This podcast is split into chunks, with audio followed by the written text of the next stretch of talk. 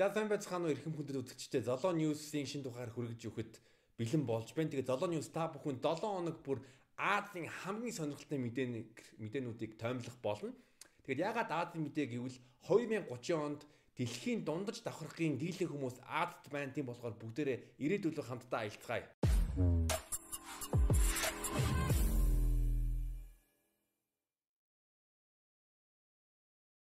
3 жил дараалсан Япон улсын паспорт дэлхийн хамгийн хүчтэйгээр э, тодорлоо. Япон улс 191 орн руу визгүй явах эрхтэй байгаа.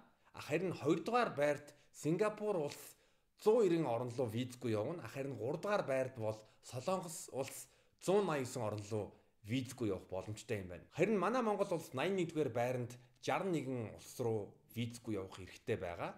Тэгээ бид нар бас хаана хинтэж ахсаж байгааг би дурдмаар байна. 81-р байранд бид нартай хамт Мозамбик болон Бенин улсууд байгаа. Харин Кыргызстан улс 80-р байранд байгаа.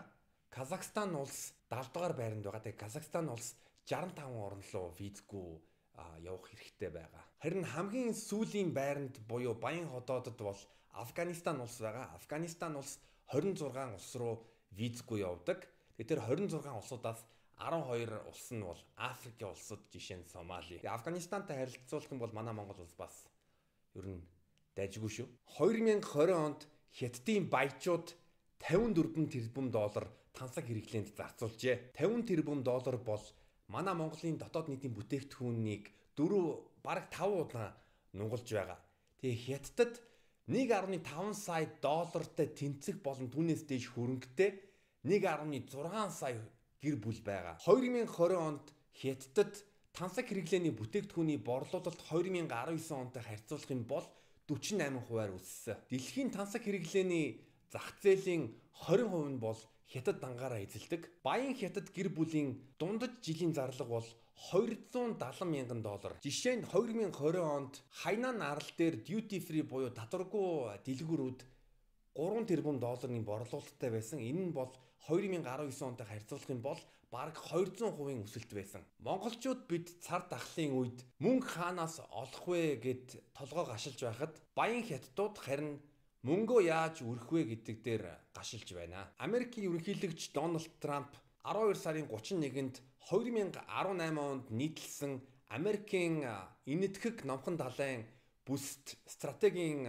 нууц баримтаа ил тод болгожээ. Уг баримтад Монгол улсыг ганц удаа дурдсан. Харин энэ бос э, боломжийн байгаа ягаад гэвэл Непал улсыг жишээ нь ерөөсөө огтхонч дурдаагүй. Харин жилийн дараа 2019 онд Америкийн батлан хамгаалах яам энэтхэг номхон далайн стратегийн тайланда Монгол улсыг 221 удаа дурдсан. Энэ баримтад Монгол улс болон Америкийн нэгдсэн улс Азийн хараад бус байдлын тухай адилхан дүрслэлтэй гэж бичжээ. Мөн манай Монгол улсыг Аз бүсэд тогтвортой байдал хөгжих боломж мөн бас эрх чөлөө чөлөөнд хувь нэмэр оруулж байгаа гэд Монгол улсыг цаашаасан байгаа. Америкийн нэгдсэн улсын ерөнхийлөгч Дональд Трампыг сая ярьсан бол одоо харин Филиппин ерөнхийлөгч Родриго Дутерте сонирхолтой мэдээлэл зарлжээ. Филиппиний ерөнхийлөгч эмэгтэй хүнд ерөнхийлөгчийн алд хаших тохиромжгүй гэдгийг зарлжээ. Өөрийнхөө зарлалдаа ерөнхийлөгч Дүтэртэ ингэж хэлсэн.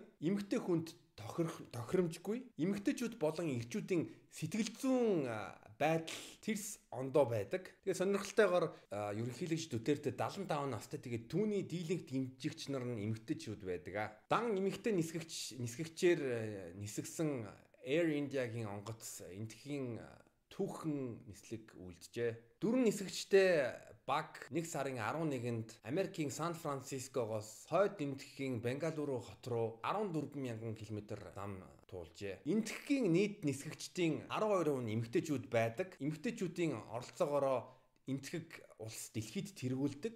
Харин Америк улсын нийт нисгэгчдийн дөрвөн хувь нь бол эмэгтэйчүүд байдаг. Бас нэг энтхийн сонирхолтой мэдээ гэвэл 2017 онд бас дан эмэгтэйчүүд эмэгтэйчүүдээр э, бүрдсэн нислэгийн баг дэлхий тойрсон нислэг үйлдсэн. Сөүл хотын захиргааны жирэмсэн эмэгтэйчүүдэд зориулсан гарын авлага шууган таржээ. Уг шууган тарьсан гарын авлаганд ийм мэдээлүүд байжээ. Жирэмсэн эмэгтэйчүүд төрхөөсөө өмнө нөхөртөө хоол, хуудас болон өдөр тутмын хэрэгслийг нь бэлдээд имлэг рүү явжээ гэсэн гэсэн зөвлөгөө байсан. Мөн бас төрсний дараа эмэгтэйчүүд жижиг арзмэртэй хувцас үлгэж бай. А бас хүүхдийн хувцсанд хэд их мөнгө өрхөөс болгоомжл гэдэг захирамжууд байсан. Тэгээ энэ Солонгост бол нэлээд шуугаан тарьсан. А бас Солонгосын сонирхолтой факт юу гэвэл Солонгос улс дэлхийн хамгийн цөөн хүүхд төрөлтийн төвшнгөөрөө тэргүүлдэг. Яагаад хүүхд төрөхгүй байгаад ойлгомжтой солонгосчууд эмгтээчүүдэд хүндлэхгүй байгаа юм байна. Энэ бас манай монголчуудад сонирхолтой мэдээ байж магадгүй яагаад гэвэл солонгосчуудыг бид нар юу гэж төсөөлдөг вэ гэвэл маш тэмтэй, романтик, солонгосын олон анги киногоор төсөөлж байгаа. Гэвч тийм биш юм шиг байна. За хэдүүлээ хятад руу буцаж явъя. Хятад улс эрс тис нөхцөлд ажилдаг богоон зарлжээ уг вагон цагт 350 км-ийн хурдтай явах боломжтой. А мөн бас хасах 40 хэмт бол ямар ч асуудалгүй ажилдаг. Нэг сарын 6-нд үйлдвэрлэсэн энэ вагон Бээжингээс Харбин хүртэл аялах болно. Харин Харбин хотод бол жил бүр цас болон мөсний наадам болдог. Өвөл энгийн вагон Харбинд нэг цаг зогсох юм бол тоормсны механизм нь хүлддэг. Харин энэ вагон тоормсны механизм нь бол зогссон ч үед хэсэг хугацааны дараа ингээд тоормсны механизм ингээ хөдлөөд байдаг. Одоо үйл хүмүүс ингээ дарангуудаа хөлөө хөдлөж байгаа юм шиг мэд э, тийм механизмтэй байгаа юм а. Хятад улс дэлхийн хурдны галт тэргийн хамгийн том сүлжээтэй 37 мянган км-ийн сүлжээ байгаа.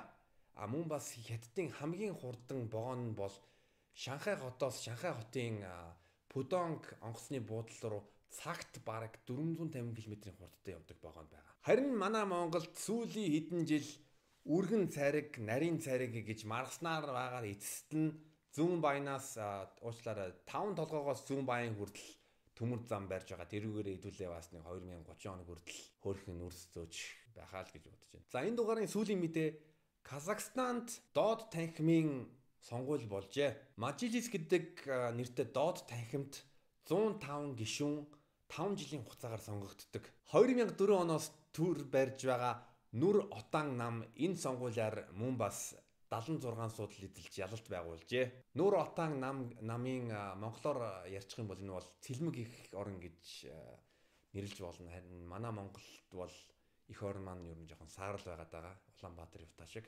Сонирхолтойгоор олон улсын байгууллагууд Казахстаны сонгуулийг ажигласан жишээ нь Шанхай хамтын ажиллагааны байгууллагын ажиглагчид мөн бас Европ болон төрөг байгууллагуудын олон улсын байгууллагууд ажилтсан байгаа. Тэгээд Казахстаны сонгуулийг нээлттэй мөн бас ил тод байсан гэж дүгнжээ. Миний сонирхлыг татсан хамгийн гой мэдээ нь юу вэ гэвэл Казахстан улс сонгуулийн хуулаа 2019 онд шинжилсэн.